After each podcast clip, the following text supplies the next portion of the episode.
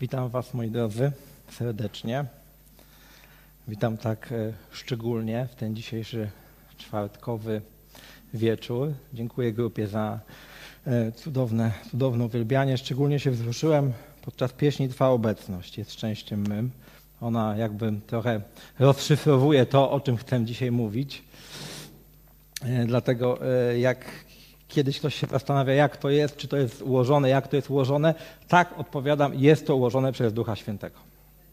Wszystko, co tu się dzieje, jest ułożone przez Ducha Świętego i bądźmy za to, za to Bogu zawsze wdzięczni i tego się e, trzymajmy.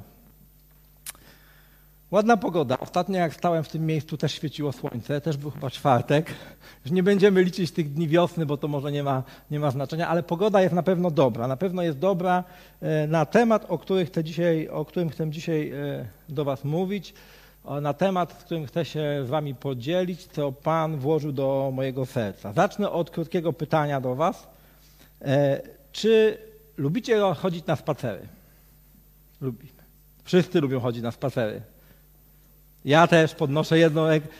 Nie ma osoby, która nie chce chodzić na spacery. Nie, jest jedna osoba, która na te spacery y, może tak nie do końca chce chodzić. A teraz zapytam się o coś mocniejszego.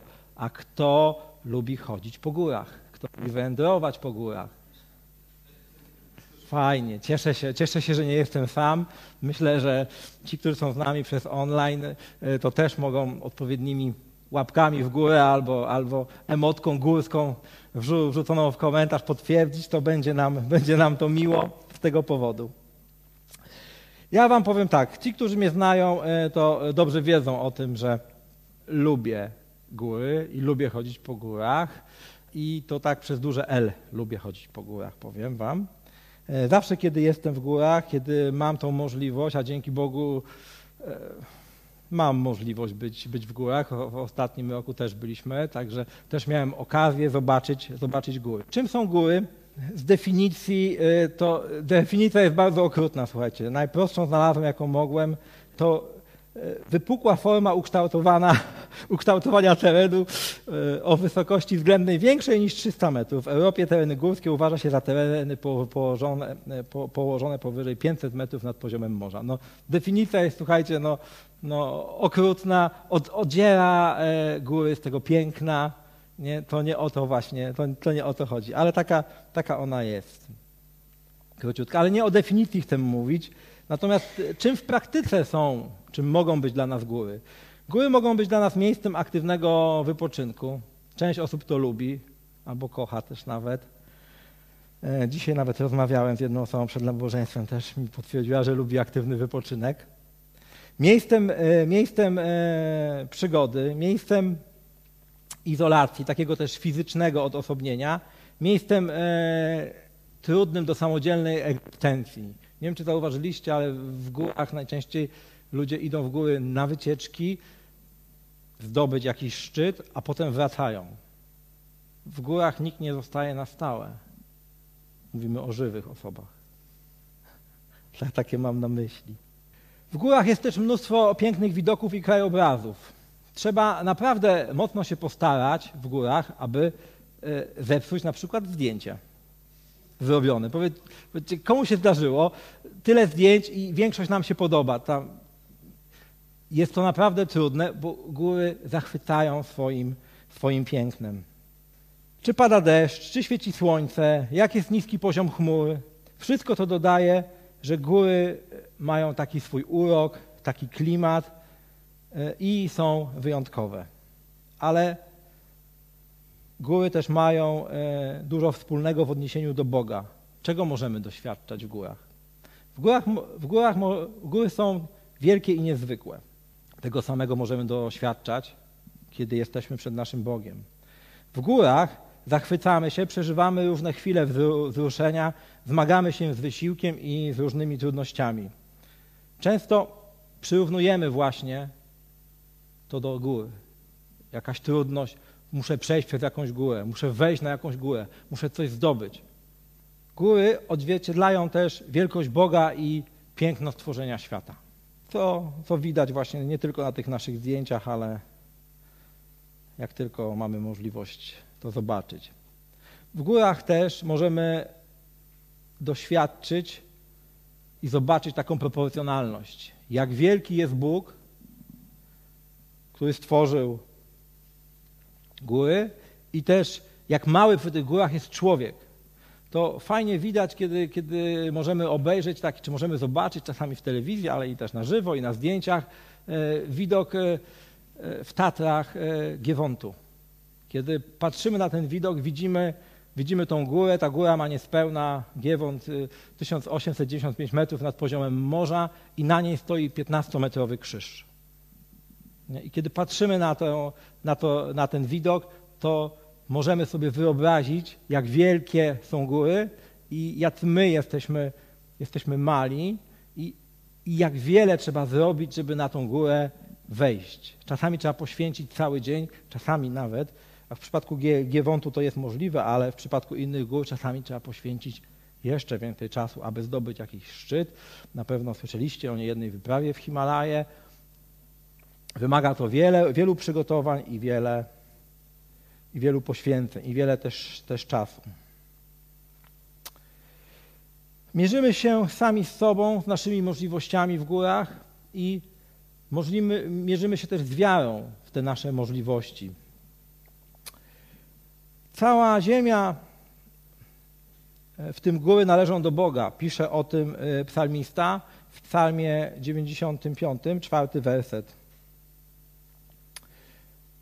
On trzyma w ręku głębie ziemi, do niego należą wierzchołki gór.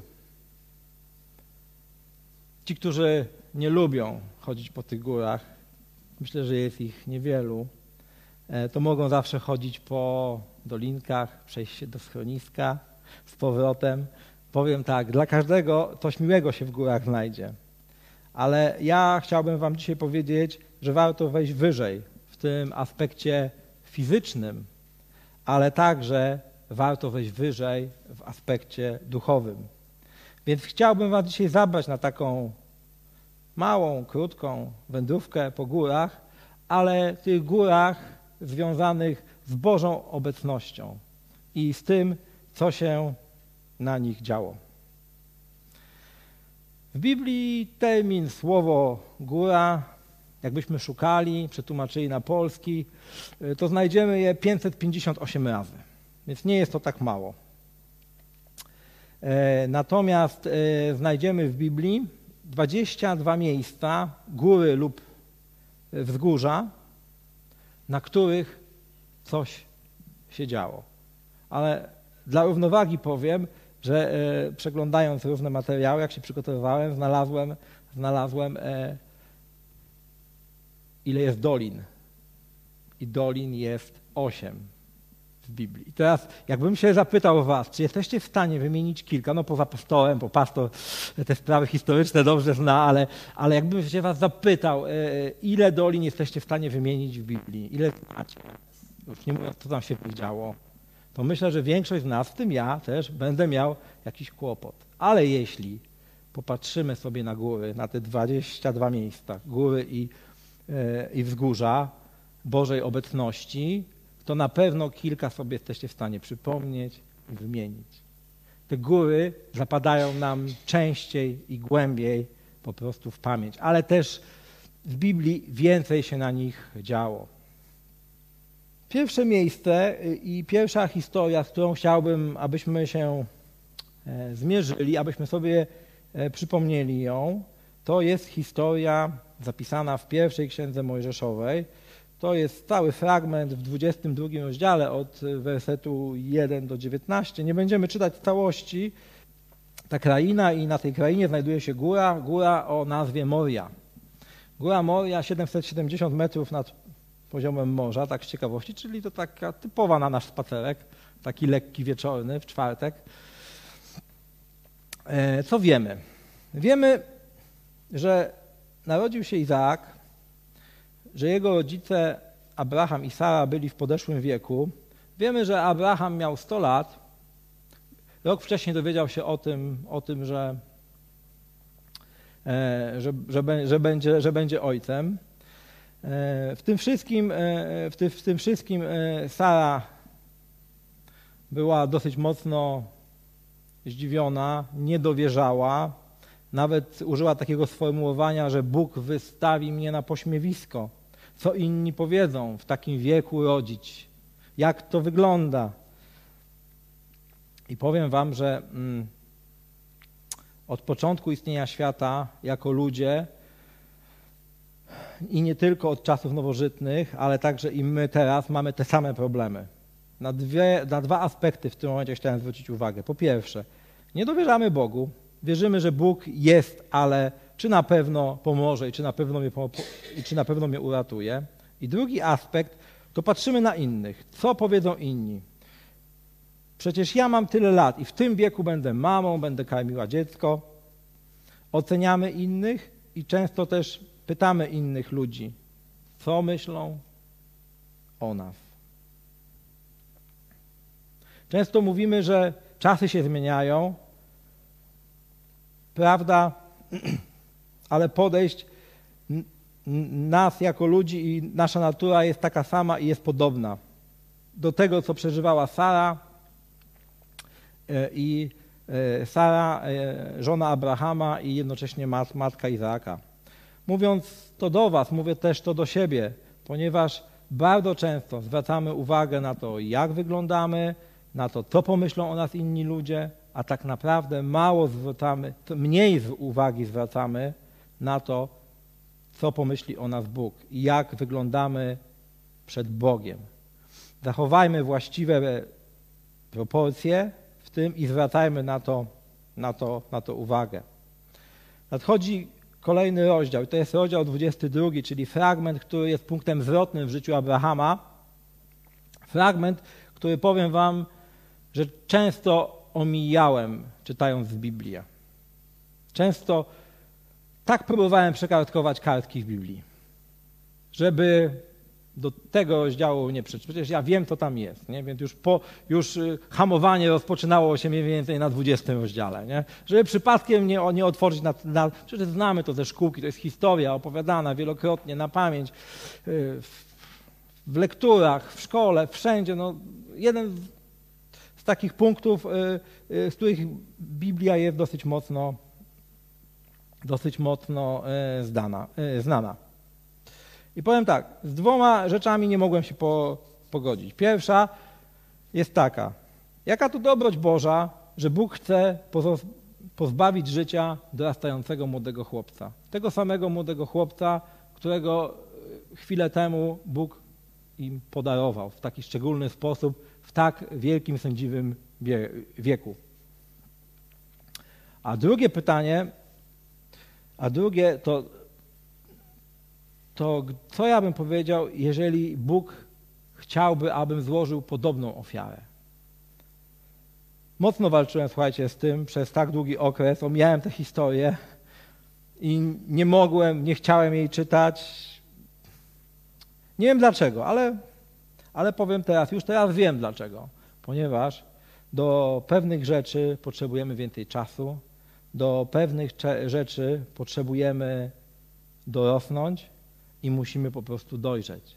I gdyby ktoś mi powiedział, że ja kiedyś będę tutaj mówił o tej historii, e, to bym w to nie uwierzył. Ale ponieważ Bóg mi włożył to na serce dzisiaj, to chcę to przypomnieć. Powiem tak, nie wiem dlaczego tak jest, ale Dawid też tą historię trochę w innym aspekcie przypomniał w niedzielę, ale widocznie tak jest, że to jest dzisiaj dla nas tutaj ważne. Co się dzieje dalej? Abraham nie dyskutuje i też nie ma cienia wątpliwości, co jest przed nim. Kolejna rzecz, która jest ważna, Abraham nie targuje się z Bogiem, nie próbuje wymieniać życia Izaaka na własne lub też na inną ofiarę. Przez trzy dni zmierza do krainy Moria, aby dojść do tej wielkiej góry. Dobrze się zorganizował do tej wyprawy, zabrał ze sobą osły, sługi, drewno, Zabiera też syna Izaaka, no i zabiera też nóż. Góry są też miejscem odosobnienia i takiej pewnej intymności.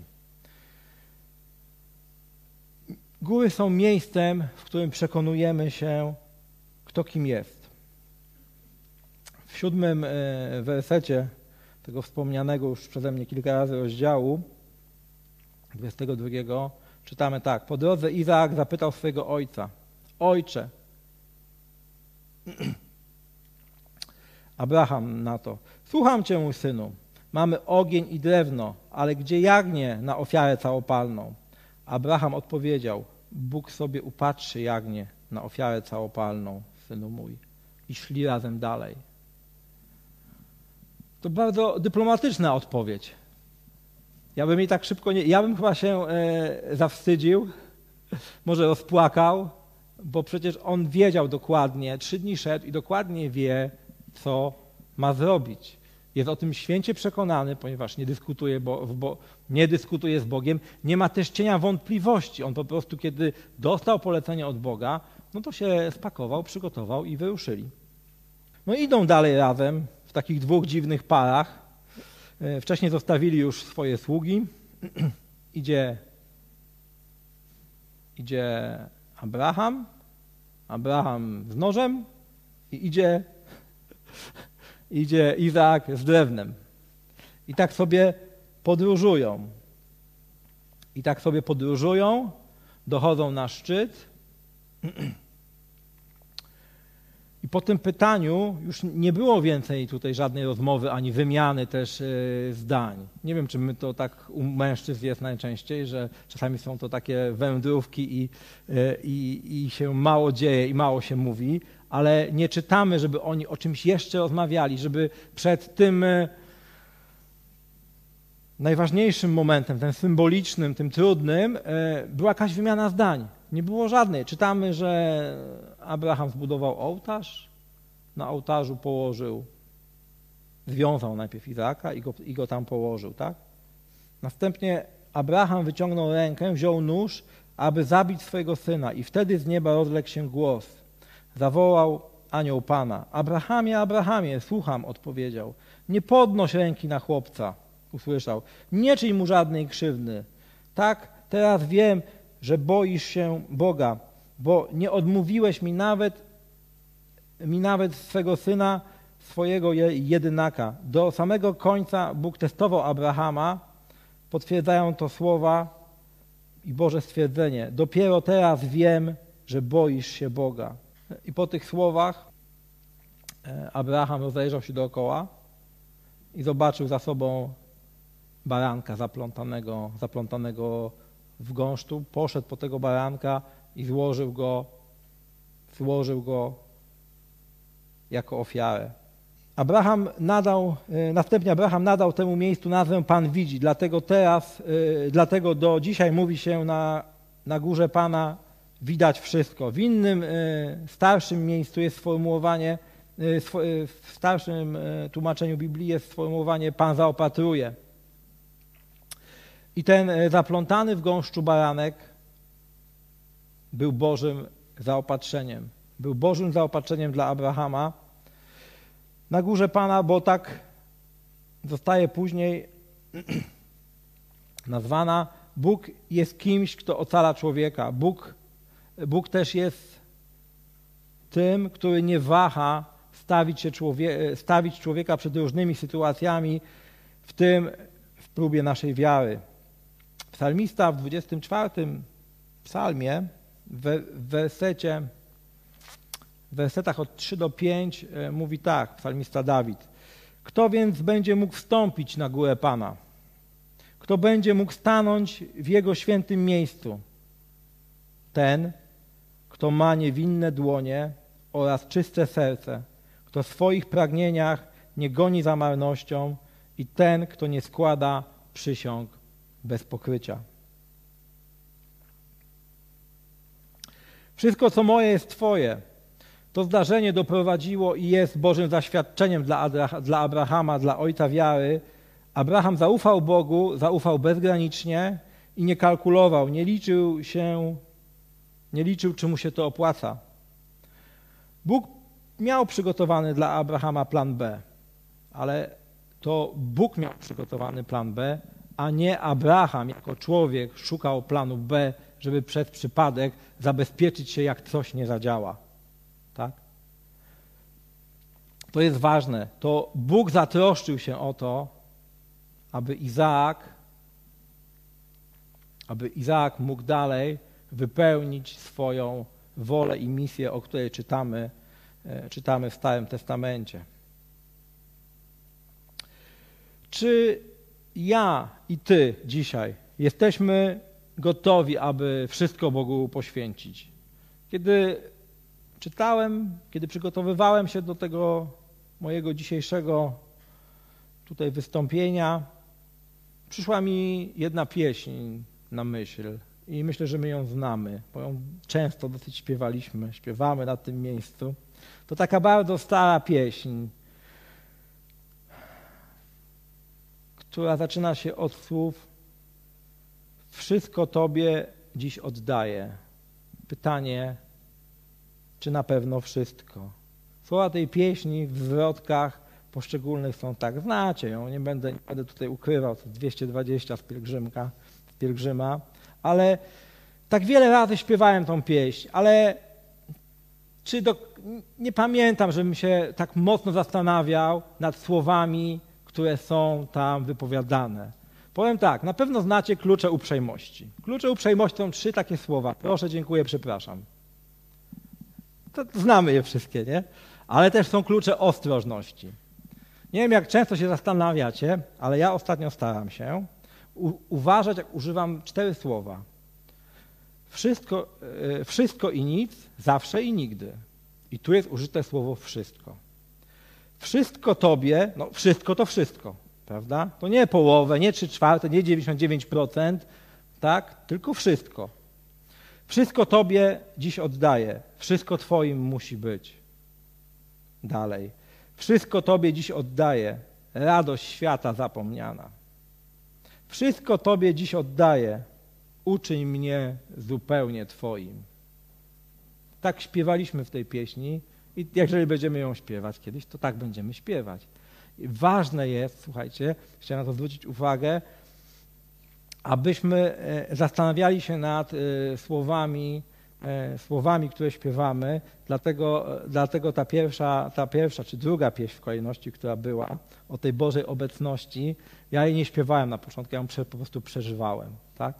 Bo o tej właśnie Bożej obecności dzisiaj do Was chcę trochę powiedzieć. Jak Ty byś, Ty i ja byśmy zareagowali, gdybyśmy usłyszeli podobne, podobne sformułowanie jak Abraham, co jesteśmy w stanie poświęcić, ile jesteśmy z siebie dać, ile, jak mocno jesteśmy w stanie zaufać Bogu bezgranicznie. Czy byłbyś w stanie ofiarować Bogu tak jak Abraham, najbliższą osobę, jeśli byłaby taka konieczność? Abraham nie dyskutował. Trzy dni szedł na tą górę z tym przekonaniem. A my często dyskutujemy. Zanim coś Bogu oddamy, czasami kiedy trzeba coś wrzucić na kolektę, czasami się zastanawiamy, myślimy, Niech każdy sam oceni w swoim sercu. Czasami wieczorem, może albo rano, ja oczywiście mówię o sobie, pamiętajcie cały czas, ale jeśli, jeśli czujecie podobnie, to warto się nad tym zastanowić. Często wieczorem e, czy rano, jak czasami ciężko ofiarować Bogu chociaż chwilę czasu, aby się pomodlić, aby otworzyć Biblię, Cóż to jest? No może czasami trzeba wstać pięć minut wcześniej. Ja e, miałem taki czas w życiu tutaj, jak chodziłem do kościoła, było to dawno na szczęście, że potrafiłem celowo się spóźnić na nabożeństwo, że tak będą śpiewać 15 minut. No to 5 można się spóźnić. Dzisiaj się prawie tego wstydzę i, i chcę nadrobić ten czas, i chcę nadrobić ten czas, dlatego, dlatego niektórzy jak przyjeżdżają tutaj wcześniej, to słyszą taką głośną chrześcijańską muzykę. No właśnie ja odrabiam teraz tamte, tamte, tamten czas i, i, i, i powiem wam, e, naprawdę warto Bogu poświęcić czas. Nie tylko przed nabożeństwem, nie tylko po nabożeństwie, ale poświęcić Jemu czas zawsze, każdego dnia. Bóg nie pragnie zła, ani nie ma w nim upodobania Tak samo jak nie ma upodobania w cierpieniu i w dramacie dla, dla nas, dla ludzi. Baranek, którego Abraham zobaczył uwikłanego w tych zaroślach i którego złożył w ofierze, jest takim symbolem i bardzo przypomina nam ofiarę Jezusa jako baranka Bożego, który obdarzył, który obarczył, nie obdarzył, tylko obarczył się naszymi grzechami, uwikłał w naszą ludzką nieprawość, został złożony w ofierze. Jezus jest najdoskonalszą ofiarą, ofiarą miłą Bogu i przynoszącą nam, nam i całemu światu zbawienie. I w liście do Rzymian w szóstym rozdziale, 23 wersecie e, jest tego potwierdzenie. Gdyż zapłatą za grzech jest śmierć, lecz darem łaski Bożej jest życie wieczne w Chrystusie Jezusie, naszym Panu. I tak, kiedy byśmy poszli sobie na jeszcze spacer na inną górę, byśmy mogli odwiedzić górę też znaną, też którą, o której dużo wiecie i czytaliście. I to jest góra, góra Choreb. Góra Choreb jest e, w Starym Testamencie, tam się na niej na tej górze wiele, wiele rzeczy działo, ale tą pierwszą przygodę, którą chcę króciutko, o której chcę króciutko wspomnieć, ona dotyczy, ona dotyczy Mojżesza. Mojżesz, kolejny sługa Boży, też jego początek się zaczął trochę nietypowo, bo wylądował w koszu w Nilu, tam był ukrywany, ale no nic się nie dzieje bez przypadku w Bożym Królestwie czy to w Starym Testamencie, czy w Nowym, Boża ochrona była nad, nad Mojżeszem. Córka Faraona zauważyła ten kosz z małym dzieckiem i tak w taki oto sposób trafił Faraon na dwór egipski, na którym się, na którym się wychował i, do, i też w części, e, w części dorastał. Tak? No i w pewnym momencie już Mojżesz był w na takim dojrzałym wieku. E, I możemy przeczytać e, w, drugim, w drugiej Księdze Mojżeszowej, trzeci rozdział, wersety od 1 do 5. Gdy Mojżesz pasł owce swojego teścia Jetra, kapłana Midianitów, poprowadził raz stado poza pustynię i przybył do góry Bożej, do Chorebu. Tam ukazał się mu anioł Pana w płomieniu ognia – ze środka krzewu. Mojżesz patrzy, oto krzew płonie, lecz się nie spala. Podejdę, myślał. Muszę zobaczyć z bliska ten niezwykły widok. Dlaczego ten krzew się nie spala? Gdy Pan zauważył, że Mojżesz kieruje tam kroki, aby się temu przyjrzeć, zawołał Bóg do niego z pomiędzy gałązek krzewu. Mojżeszu, Mojżeszu, jestem, odpowiedział Mojżesz. Nie zbliżaj się, ostrzegł go Bóg. Zdejmij z nóg sandały. To miejsce, na którym stoisz, jest miejscem świętym. I powiedział też, ja jestem Bogiem twojego ojca Abrahama, Bogiem Izaaka i Bogiem Jakuba. Na te słowa Mojżesz zakrył twarz i bał się patrzeć na Boga. W czternastym wersecie czytamy Jestem, który jestem, powiedział Bóg do Mojżesza oznajmisz synom Izraela, jestem, posłał cię do was.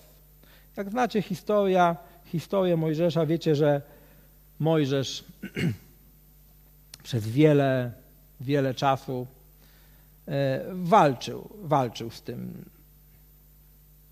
z tym, co Pan mu powiedział, a jeśli nie uwierzą, a jeśli nie usłuchają moich słów, e, jak popatrzymy sobie na Abrahama, Abraham ofiarował swojego syna i poszedł i nawet nie mamy wspomnienia o tym, że on przez moment miał jakąś wątpliwość. On po prostu poszedł i wykonał. Mojżesz inaczej do tego podchodził, też innym człowiekiem, miał inną naturę prawdopodobnie, więc inaczej do tego podchodził. Ale Bóg też go w cudowny sposób używał i przeprowadził, i przeprowadził go, jego i cały Izrael, przez bardzo wielki okres czasu. Jego posługa Mojżesza trwała w jego długim, owocnym życiu ponad e, od 40 lat. Wiemy, wiemy że, e, że zakończył swoje życie, gdy miał lat 120 i tak jak na jednej górze otrzymałby jakby Boże powołanie, Boże namaszczenie, widział ten, ten krzew z ogniem, w którym Bóg mu się objawił, tak też na innej górze, na innej górze, na górze Nebo, ostatni raz spojrzał i Bóg mu pokazał tą ziemię obiecaną. Tak skończyła się historia, historia Mojżesza, ale znowu mamy ten obraz i to i widzimy Bożą moc, która się gdzieś tam przejawia, przejawia się, którą widać na, na górach. Mojżesz nie, nie wchodzi do tej ziemi obiecanej, ale Bóg daje mu możliwość i on z góry nebo ją widzi. Potem wiadomo, jego dzieło kontynuuje Jozue. W liście do Hebrajczyków w trzecim rozdziale, wersety 5 do 8. Mojżesz wprawdzie jako sługa był wierny w całym jego domu, ale poświadczeniem tego, co miało być powiedziane, ale Chrystus jako syn jest ponad jego domem. Tym domem my jesteśmy, jeśli tylko zachowamy odważną ufność i będziemy się szczycić nadzieją. I w siódmym wersecie, dlatego jak mówi Duch Święty, dzisiaj jeśli usłyszycie głos Jego, nie znieczulajcie swoich serc, jak w czasie buntu lub w dniu próby. I chciałbym, abyśmy kolejny raz weszli na górę Choreb. Tam znowu coś się będzie działo, ale tym razem, tym razem na tej górze przeżywać e, swój czas z Bogiem e, będzie Eliasz. Ta, ta historia zapisana jest w Księdze Królewskiej, w pierwszej Księdze Królewskiej. E, w 19 rozdziale od 1 do 18. Oczywiście nie będziemy czytać całej historii.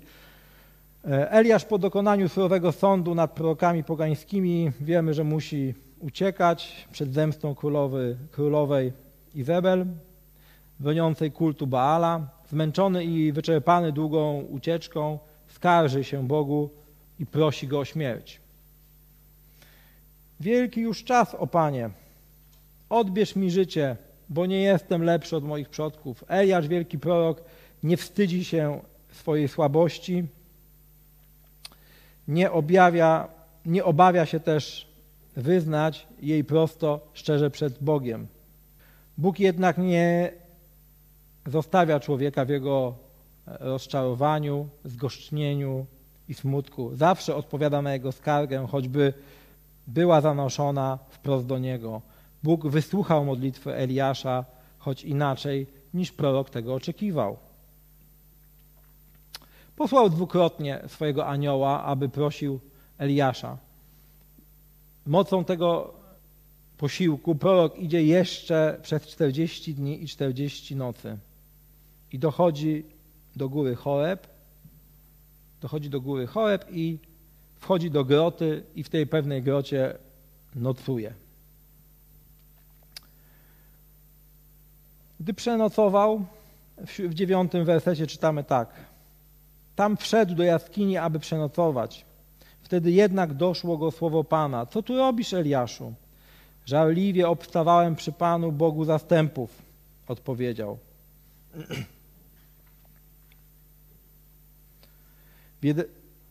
W jedenastym e, wersecie czytamy tak. Wówczas Eliasz usłyszał, wyjdź i stań na górze przed Panem. Wówczas Eliasz usłyszał: Wyjdź i stań na górze przed Panem.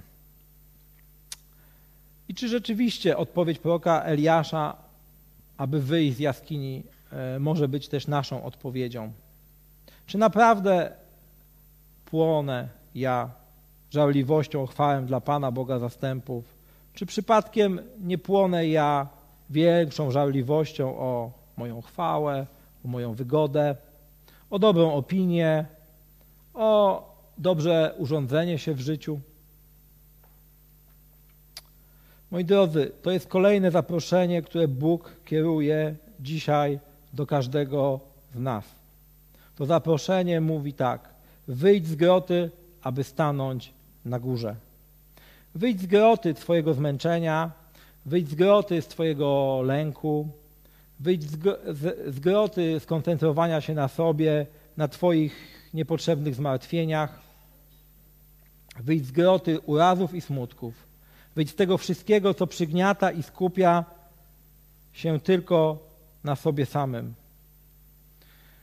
Grota jest miejscem ciemnym, zamkniętym i się pomimo tego wszystkiego wydaje, że jest miejscem bezpiecznym. W grocie nie jesteśmy narażeni na wiatr, czy też na burzę. W grocie istnieje zawsze stała temperatura, na ogół letnia temperatura. W grocie też niewiele widać, a my często lubimy, jak niewiele widać. I co najważniejsze, w grocie nie ma życia, ponieważ nie ma światła. Brak światła to brak życia. Światło jest źródłem życia. Lęk jest ciemną grotą. Kiedy człowiek zamknie się w niej, nic nie widzi. W grocie jesteśmy bowiem niewolnikami samych siebie. Trwanie w zamknięciu groty oznacza powolne umieranie. Tylko na górze wobec Pana możemy być wolni i pełni życia. Wówczas Eliasz, Eliasz usłyszał, w jedenastym wersecie czytamy, wyjdź i stań na górze przed Panem. A oto przechodził Pan, przed Panem dął silny wiatr, silny porywisty, poruszał góry, okrywał kawałki skał, lecz w tym wietrze, lecz nie, nie w tym wietrze był Pan. Powietrze zatrzęsła się ziemia, lecz nie w tym trzęsieniu był Pan.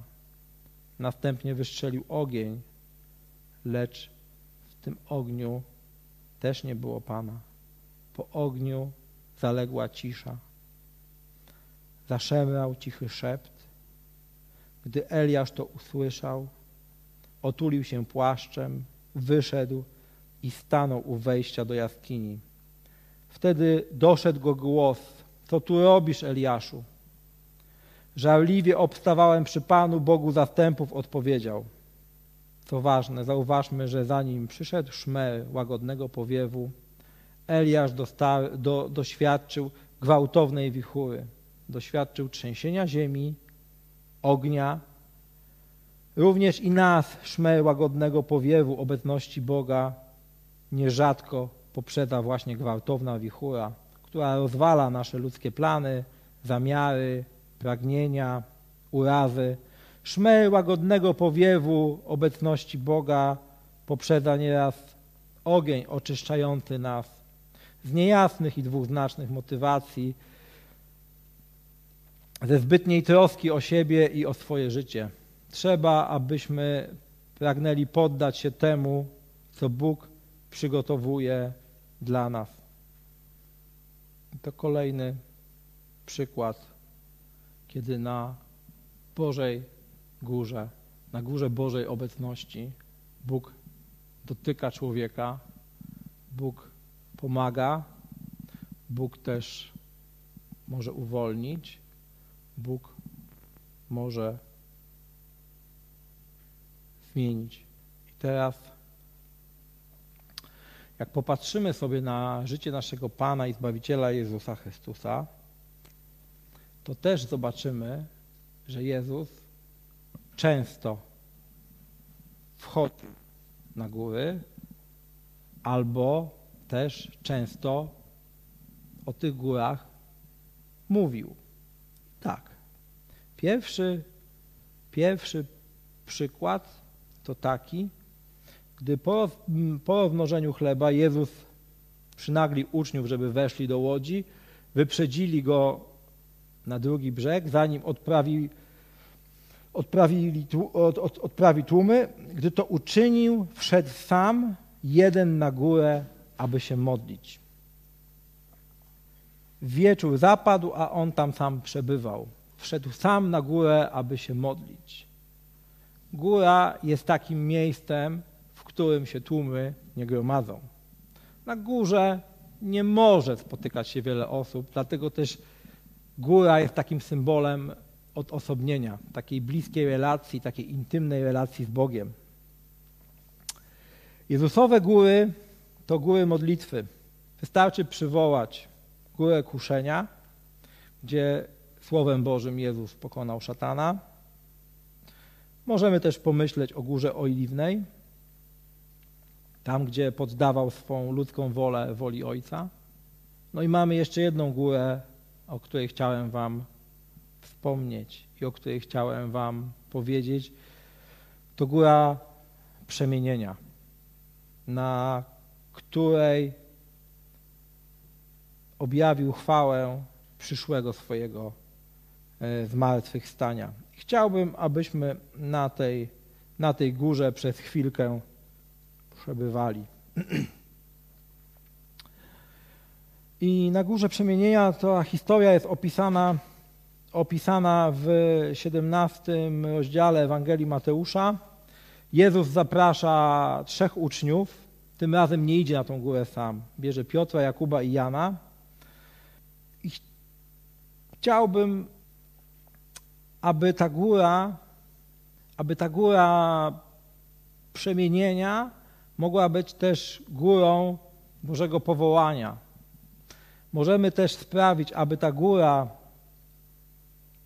była, góra przemienienia stała się górą, gdzie bliżej będziemy Boga, gdzie bliżej będziemy mogli odbierać to, co Bóg chce nam powiedzieć i będziemy Mu służyć. Może być też tak, że ta góra przemienienia dla kogoś, kto może dzisiaj słucha tego pierwszy raz, może być też jego górą nawrócenia. Wiemy, że Jezus, jak wszedł na górę przemienienia, to wszedł tylko raz. Natomiast mam takie odczucie, że my, e, ludzie, jednak niedoskonali, pełni trochę tych ułomności, dzisiaj żyjący w tych czasach, musimy i czasami potrzebujemy na tą górę przemienienia wchodzić częściej. I czytamy w 17, w 17 rozdziale, rozdziale Ewangelii Mateusza od pierwszego, od pierwszego wersetu. Po sześciu dniach Jezus wziął ze sobą Piotra, Jakuba oraz brata Jana i udał się z nimi na wysoką górę, gdzie modlili się, gdzie mo, mo, mogli być sami. Przepraszam. I tam w ich obecności doznał przemiany. Jego twarz zajaśniała jak słońce, a szaty zajaśniały bielą. Ukazali się im tam Mojżesz oraz Eliasz, którzy z nim rozmawiali. Wtedy Piotr zwrócił się do Jezusa: Panie, tak dobrze nam tu być. Jeśli chcesz, rozbiję tu trzy namioty dla Ciebie, dla Mojżesza i dla Eliasza. Podczas gdy wypowiadał te słowa, okrył ich święty, świetlisty obłok, a z obłoku rozległ się głos. To jest mój syn ukochany, źródło mojej radości. Słuchajcie go. Na te słowa uczniowie upadli na twarz, bo ogarnął ich wielki strach. A Jezus poszedł, dotknął ich i powiedział: Wstańcie, nie bójcie się. Gdy podnieśli oczy, nikogo już nie zobaczyli poza samym Jezusem. W drodze powrotnej z góry Jezus im polecił, dopóki Syn Człowieczy nie zmartwychwstanie, nie, nie zmartwychwstanie nikomu o tym nie mówcie. Spotkanie z Bogiem na górze. Szczególne wydarzenie dla trzech, dla trzech apostołów. byli razem z Jezusem, mogli obejrzeć Bożą chwałę, mogli zobaczyć, co się dzieje. Co mnie tu poruszyło w tej historii, to o czym dzisiaj chcę Wam powiedzieć. Panie, tak dobrze nam tu być w tej Bożej chwale. Dobrze jest przebywać. Zgadzam się z tym. Bardzo dobrze jest być w Bożej chwale. My potrzebujemy tego, aby być w tej Bożej chwale, ale tak jak na każdej górze, my potrzebujemy na górę wejść i potrzebujemy z góry zejść, bo my nie jesteśmy powołani do tego, aby być tylko na górze. My potrzebujemy wejść na górę, aby czasami naładować akumulatory, aby się wzmocnić, aby przeżyć może Boże powołanie, może odebrać coś od Boga, żeby zanieść innym ludziom, ale my na tej górze potrzebujemy być tylko jakiś czas. Na górze nikt nie mieszka. Natomiast apostołowie, oni, oni chcieli już rozbijać namioty. Dobrze nam tu być, dobrze tu zostać. Zostańmy tutaj, tu jest dobrze. I tak, kiedy myślałem o tym, to pomyślałem sobie, że często ten, ten kościół może być takim namiotem.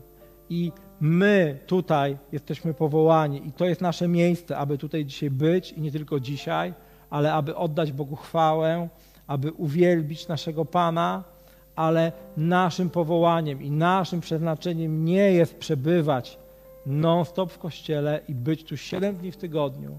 Naszym powołaniem jest pójść tam, wyjść z tego kościoła, po to, aby innym powiedzieć, aby z innymi podzielić się tą dobrą nowiną, którą Bóg nam dał i którą nas obdarował.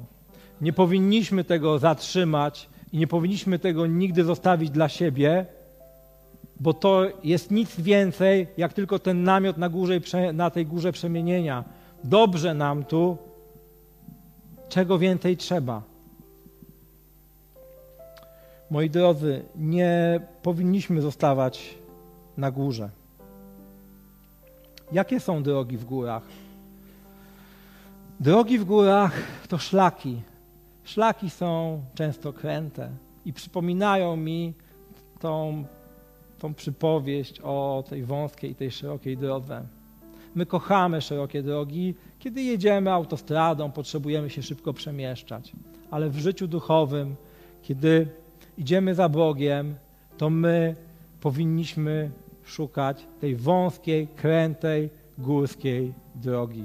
To ta droga prowadzi i zawsze doprowadzi cię do społeczności, do społeczności z Bogiem. Kiedy ostatni raz, już na koniec, kiedy ostatni raz byliśmy w górach w zeszłym roku i tak wychodziliśmy z tych gór, to też taki taki znamienny obraz.